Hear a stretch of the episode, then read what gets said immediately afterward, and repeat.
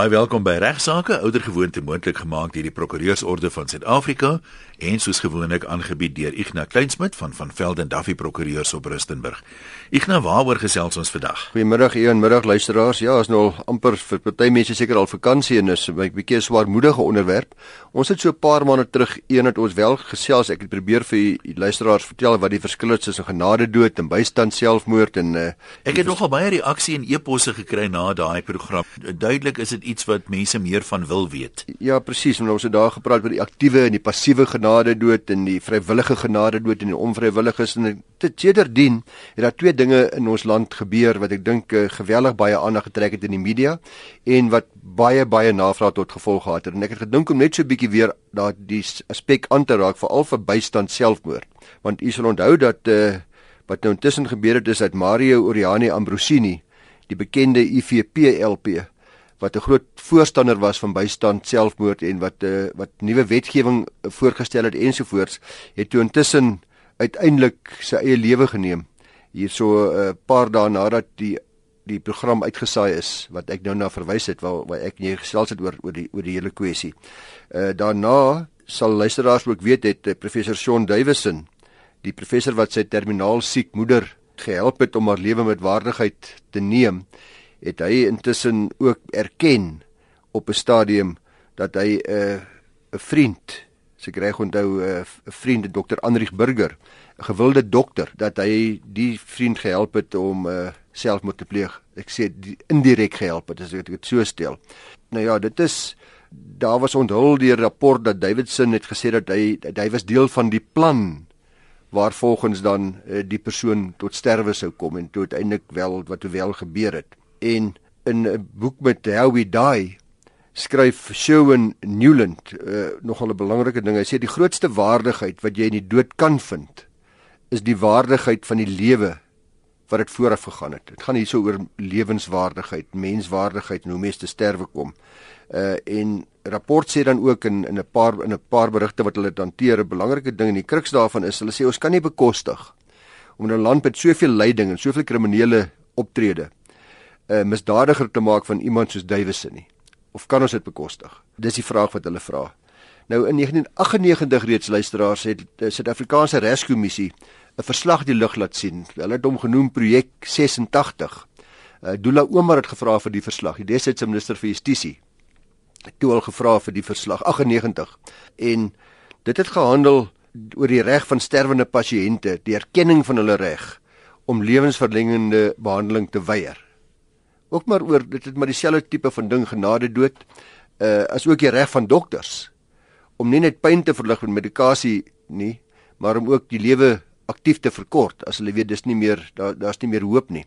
En die kommissie is oorval destyds met bydraes en ek was baie opgewonde en ek dink baie ander prokureurs ook dat hier gaan nou iets gebeur.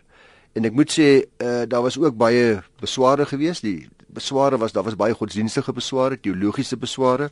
Daar was baie ook vrese gewees dat daar misbruik sal wees uh, dat mense anders sal help om te sterf en dit misbruik gaan word om om om dan later eintlik maar moord te pleeg uh, terwyl dit dan genoem word bystand selfmoord en uiteindelik hierdie kommissie toe nou die regskommissie het hulle toe nou besluit wat hulle gaan doen is hulle besluit hulle gaan niks doen nie. Hulle het die ding toe nou weer in die laai geplaas wat baie baie jammer was. Ek moet maar net en dit is nogal iets wat mense oor jammer was en ek ek, ek sou graag wil sien dat mense weer kwaliteit aandag gee aan hierdie hele aspek. Dit is ongelukkig dikwels se reaksie is die mense doodseker is wat om te doen nie. Dis nou 'n moeilike vraagstuk en die veiligste is om niks te doen nie. Korrek, dis presies wat hulle nou maar gesê het. As mense nou kyk na wat in ander lande gebeur. As jy kyk na hierdie die lyd wanneer mense die lyding van 'n van 'n van 'n pasiënt wat baie siek is beëindig deur ingryping staan dit bekend as genade dood. Dis maar die die wye definisie daarvan. Nou in België, Luxemburg, Nederland, daai plekke is dit toelaatbaar. Nou daar's 'n ander vorm van genade dood. Dit is as die pasiënt die proses beheer. En die pasiënt kan self besluit. Hy kan self, hy word gehelp, maar hy besluit self uh in die arts byvoorbeeld die dokter in daai geval sal gee net gee dit inligting. Hy sê weet hierdie middel gaan dit vir jou kan doen. Hierdie middel kan jou so gaan die van die dood so versnel of dit gaan dit vir jou doen. Nou hierdie vorm van genade dood byvoorbeeld wat word in baie groot dele van die wêreld reeds toegepas. Dit uh onder andere byvoorbeeld in Switserland, baie Noord-Amerikaanse state Oregon, Washington, uh, Montana ensovoorts. Maar soos in Suid-Afrika soos u weet, is genade dood en soos ek laas vir gesê het in vele opsigte onwettig. Net onder sekere baie beheerde omstandighede is dit wettig. En die vraag wat mense dan kan vra is waarom mag terminale pasiënte dan nie keuses uitoefen oor die besinvolle beëindiging van hulle eie lewe nie. En uh tegnologie het iemand gesê beteken dat die dood 'n uitgerekte saak word. Onthou ons verleng die lewe tegnologies en en hierdie professor Louise de Tooy in 'n in 'n in 'n berig wat ek gelees het sê en ons sy meedoenlose uitinsypeling in die liggaam van 'n geliefde en daarom 'n familiekring in 'n stadige aksie en van naby sien afspeel. So ons sien die pyn omdat dit so uitgereik word. En hoewel die veelvuldige tegnieke van die medisyne, dis nou die alternatiewe medisyne, hoofstroomedisyne maak nie saak nie. Maniere voorhou om hierdie sterwingsproses uit te rek, sê sy, daar word ons geensins om opgewasse te wees vir die menslike kant daarvan nie. Nou natuurlik met die met die luukse van lewensverlengende tegnologie en alles wat ons deesdae in ons hospitale en ons mediese se kantore sien, uh, spreekkamers sien, ontstaan die noodsaak dan moontlik vir 'n meer sorgsame en versorgende samelewing. Dit laat ons dit moet ons herdink oor die hele kwessie van genade dood.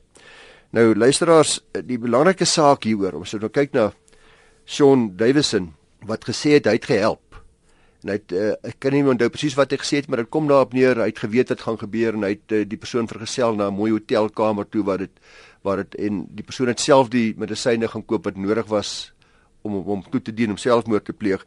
Dan is die belangrike in die groot saak hieroor is die saak van ex-part minister van justisie in Rystaat versus Grotjon. Ek het al vir vinnig daaroor vertel 'n paar maande terug die die uh, oorledene was gedeeltelik verlam. Wanneer was die saak voor die hof, Ignas? Uh die saak is gerapporteer in 1970. 1970 en hakies 2 SA 355 deur die Appelhof en uh in hierdie saak was die oorledene gedeeltelik verlam. 'n Manies depressiewe persoon, haar huwelikslewe was maar baie was nie lekker gewees nie, was naby breekpunt gewees. Ag daar was 'n uh, beskuldigings van ontrouheid teenoor haar eggenoot. Die beskuldigde, in hierdie geval haar man, het toe nou 'n patroon gehaal en geweer gelaai en na haar hande gaan gesê man maak maar wat jy wil iets in tot die effek skiet jouself. Jy sit dag van net 'n las. En sy het haarself toe geskiet en sy was onmiddellik gesterf. Die minister vra toe vir die appelhof nadat die verhoorhof die beskuldigde onskuldig bevind omrede die beskuldigde normaalweg net aanspreek te kan wees vir sy eie handelinge en nie vir die handelinge van die oorledene nie. Onthou sy die snerre self getrek van die geweer wat daar dood geskiet het en onthou ook in ons reg geselfmoord nie 'n misdaad nie so daarom vind die hof toe vir hierdie persoon Grotjon onskuldig. Toe sê die minister van justisie nee wag 'n bietjie. Ek wil ek wil meer weet hiervan. Ons vra vra naamlik pleeg 'n persoon wat 'n ander aanmoedig, help of in staat stel om hom of haarself in lewe te bring 'n misdaad? Indien wel, watter misdaad? Dit was die twee vrae wat hier gevra was.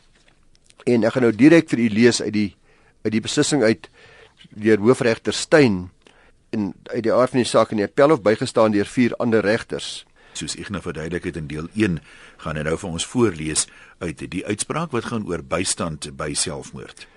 Hoofrechter Steyn, luisteraar sê die volgende ek haal soos hier en daar 'n stukkie aan. Uit die omstandigheid dat nog selfmoord nog poging tot selfmoord 'n misdaad is, volg dit egter nie dat die antwoord op die eerste gestelde vraag ontkennend moet wees. Die eerste vraag was: is dit 'n misdaad om iemand by te staan? Hy sê dis nie altyd nee nie die persoon wat 'n ander aanmoedig, help of in staat stel om homself om die lewe te bring, is besig nie met sy eie lewe of liggaam nie, maar met die van 'n ander. En of hy 'n misdaad pleeg, moet beoordeel word volgens die des betreffende beginsels van ons strafreg. Dan verwys hy na die Gordon saak wat ek 'n uh, paar weke, 'n paar maande terug ook gehanteer het. Uh, hy sê in die Gordon saak en in hierdie Grotjon saak, die onderhawige saak, is die beskuldigdes vrygespreek op grond daarvan dat die onderskeie handelings wat die dood veroorsaak het, die oorledenes se vrywillige en selfstandige handelinge was. Aan die ander wyse die beskuldigde het nie self die sneller getrek of iets spesifieks gedoen nie. In elkeen van hierdie gevalle het die optrede van die beskuldigde in een geval die aangaan van 'n selfmoordooreenkoms en die verkryging en oorhandiging van die tablette in die ander geval die laai van die geweer die daarmee gepaard gaande opmerking 'n plek gehad in die gebeure wat met die dood van die oorledene ten einde geloop het. Die hof het blykbaar egter van die standpunt uitgegaan dat die laaste handeling van die oorledene, dis die werklike doodmaak, die vrywillige en selfstandige handeling was wat as 'n later toetredende oorsaak die kausaliteit van die voorgaande gebeure vir sover die beskuldigde se optrede daarbey betrek kon word, deurslaggewend ontbreek het. Maar nou sê hy 'n belangrike ding die regter, hy sê ek sou egter nie 'n algemene stelling dat die laaste en vrywillige en selfstandige handeling van die selfmoordenaar altyd op die vrysteraak van die beskuldigde moet uitloop sonder voorbou ten aansien van die selfstandigheid wil onderskryf nie. Dan uh, sê hy dit lê by selfmoord voor die hand dat die oorledene se laaste handeling, hoewel dit 'n eie selfstandige handeling mag wees, en die onmiddellike oorsaak van die dood nie noodwendig 'n volkomme onafhanklike handeling altyd hoef te wees nie. Dat die nie misdadigheid daarvan, die ander vir die vir die feit dat selfmoord nie 'n misdaad is nie, dat die nie misdadigheid daarvan weinig ter sake is by die vraag na die oorsaaklikheid van die optrede of gedrag van die persoon wat die selfmoordenaar aanmoedig, help of in staat stel om selfmoord te pleeg. Dit is gereedelik denkbaar dat bedoelde optrede of gedrag 'n onmiddellike aanleidende oorsaak vir die laaste daad kan wees. Nou gee ek 'n paar voorbeelde. As iemand wat byvoorbeeld 'n ander die middele in die hand gee, soos byvoorbeeld die dieselfde die pille of die medisyne of die inspuiting. As jy daardie persoon dit die middele in die hand gee waarmee hy daad wil pleeg, dra by tot die daad en sy gevolg. En die aanwending van die middels met die gevolg daarvan sou tereg as die direkte uitvloeisel van oorhandiging beskou kan word. En dis belangrik wat hy nou sê, hy, hy sê die gevolgtrekking kan kwaliek vermy word dat hy wat die gesogte of nodige middel vir 'n voorgenome selfmoord verskaf, 'n oorsaaklike deel daarvan het as dit uitgevoer word. As hy dit willens en wetens, en ek weet hierdie persoon gaan daarmee selfmoord pleeg. Ek weet dit. Ek gee tof vir hom die middels. Dan is hy skuldig aan moord, sê die appelhof. Al geskied die laaste daad deur die nie misdadige hand van die selfmoordenaar, want hy is wederregtelik en opsetlik aandadig daaraan dat 'n ander se lewe beëindig is. Dan verwys hy na uh die Peverett saak. Die appellant is 'n interessante saak. Die, die appellant in daardie saak was skuldig bevind aan 'n poging tot moord. Hy en 'n getroude vrou het mekaar verlief geraak. Laasgenoemde was diep ongelukkig en terneergedruk wat toe einde aan haar lewe maak. Dit het op 'n selfmoord ooreenkoms toe met die appellant uitgeloop. Ter uitvoering daarvan is die bekende prosedure wat ons almal ken met gas uit 'n motorvoertuig se uitlaatpyp gevolg. Hulle is bewusteloos in die voertuig gevind en het albei toe herstel. Peverit en en die geliefde. Uh namens Peverit is onder meer aangevoer dat hy nie strafregtelik verantwoordelik kan wees vir wat plaasgevind het nie, omdat die vrou te alle tye, soos in die hof gestaan het, 'n perfectly free agent was. In staat om self om die deure en vensters weer oop te maak, uit te klim, motor af te skakel of wat ook nogal. Sy in ander woorde die argument is meneer Peverit se argument is daar was geen dwang om uh, die giftige gas of die asem in te hou nie. Sy kon 'n plan gemaak het. Uh, dit sou daarop neerkom dat haar eie vrywillige versuim om nadat Pevere die motor aangeskakel het, een van daardie goed te doen, uh en dan nie meer in die dood blootgestel kon wees nie. In hierdie verband word in hierdie Pevere uitspraak daarop gewys dat die gas deur Pevere in die voertuig ingelaat is deur homself om albei in staat te stel om in te asem, dat die inaseming uh op sy beurt die middel was waardeur die dood veroorsaak is. Dan sê die hof en ek haal aan en daar in die Pevere saak He is therefore responsible in law for the result of these actions, viz., the unconsciousness and illness of Mrs. Saunders, which very nearly ended in her death.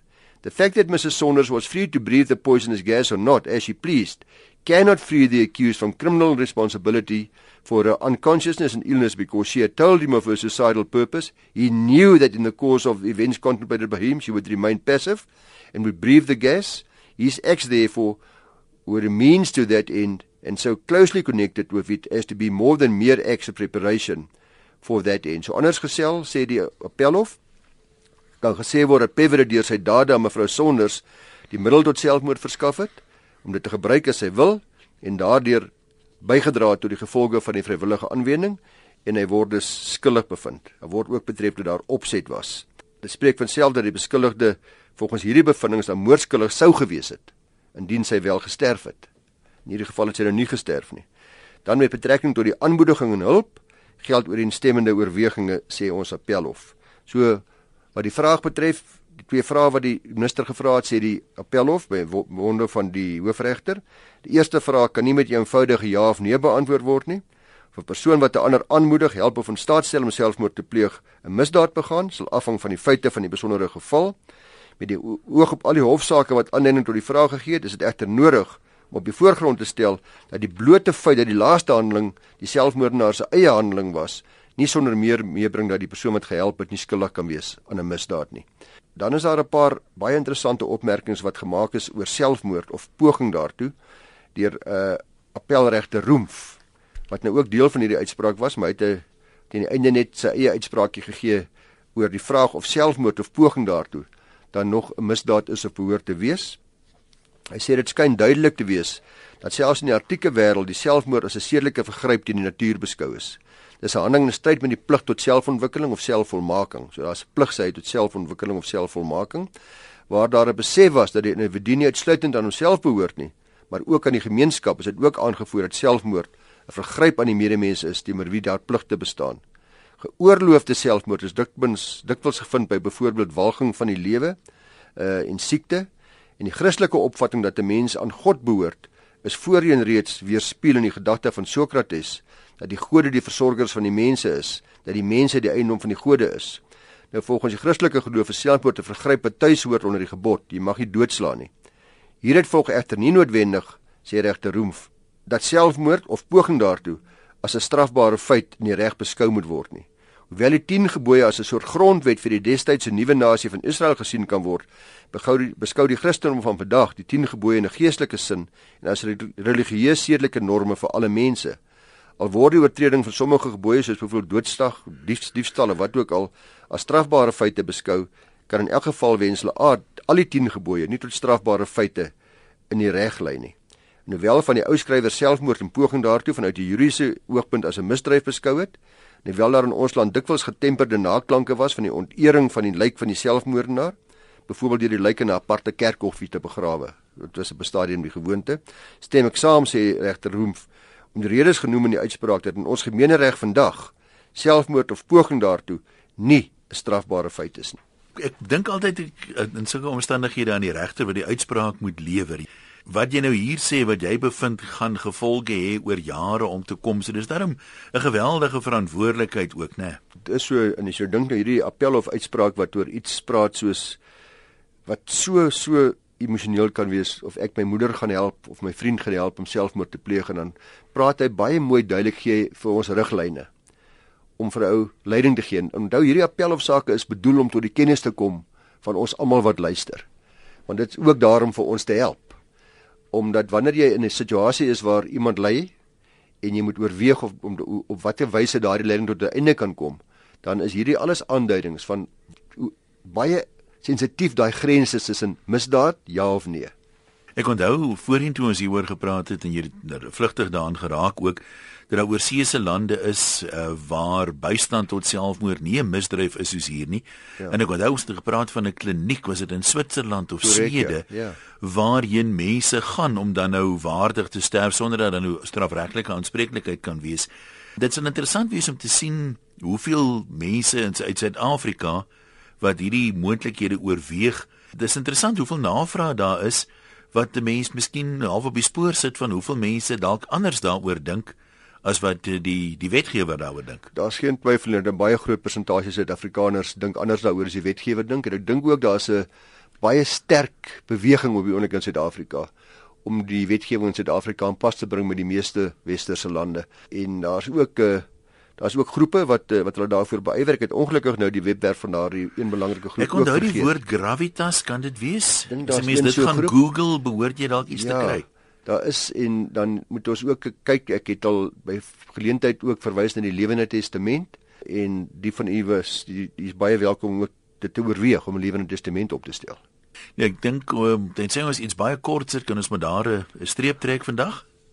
Kom ons kom ons gebruik die laaste minuut miskien net om vir luisteraars weer te sê dat die doel van die program is uh, grootliks opvoedkundig. Die doel is nie gratis regsadvies aan individue nie en ek verstaan heeltemal dat daar baie mense is wat desperaat is en dan luister hulle na die program en hulle hoor hoe kundig is Ignas op verskeie aspekte. Dan voel hulle maar dis die man wat my nou gaan help om nie in die tronk te beland nie of om hierdie kwessie op te los. Maar uh, ongelukkig uh, kan Ignas dit nie altyd doen nie. So wat ons verwelkom is voorstelle vir onderwerpe waaroor ons kan praat. Jy kan vir ons jou feite stuur en sê onder hierdie omstandighede Uh wat staan my te doen? Dan kan Ignas miskien oor die algemeen raad gee daaroor, maar uh, baie mense wil desperaat regshulp hê. Dis nie die doel van die program nie en ek dink ek sê dit nou maar want ek weet Ignas is 'n groot gentleman. Hy wil dit nou nie self sê nie, maar dit is ongelukkig so dat ek meen jy's net nie in staat om dit te doen nie. Ek meen jy het nog 'n 'n praktyk in al hierdie tipe van dinge. So ja. die feit dat Ignas tyd opoffer om vir ons te kom help, dink ek op sigself moet 'n mens voor dankbaar wees. Baie dankie en ek waardeer dit want dit is regtig soos jy sê, nie lekker om ongeskik te wees soms met mense en daar's baie mense wat baie nood het en ek sê altyd vir 'n uh, eh, op hierdie program en ook vir hulle dan met 'n briefie wat ek terugskryf vir hulle standaard briefie wat ek vir almal almal dieselfde lees sê asseblief gaan sien die eie prokureur in die eie omgewing want daardie persoon sy of hy is net so goed en dien nie baie beter nie as ek toegerus om vir u van hulp te wees. Maar mense wat wel voorstelle dan wil maak vir toekomstige onderwerpe waaroor ons kan praat, kan vir Igna e-pos igna by 44d.co.za. Daai 44d staan vir van Velden Duffy, die prokureursfirma op Rustenburg. En uh, hou maar 'n gedagte dat as jy nou e-pos stuur, uh, ons is so te sê in vakansietyd, so dat jy mag dalk nie dadelik 'n antwoord kry nie. En ons neem ook baie van die programme vooruit op, so vandat ons iets opneem tot dit uitgesaai word kan maklik 'n hele paar weke duur. Dis dit van ons af. Baie dankie aan die Prokureursorde van Suid-Afrika wat hierdie program moontlik maak.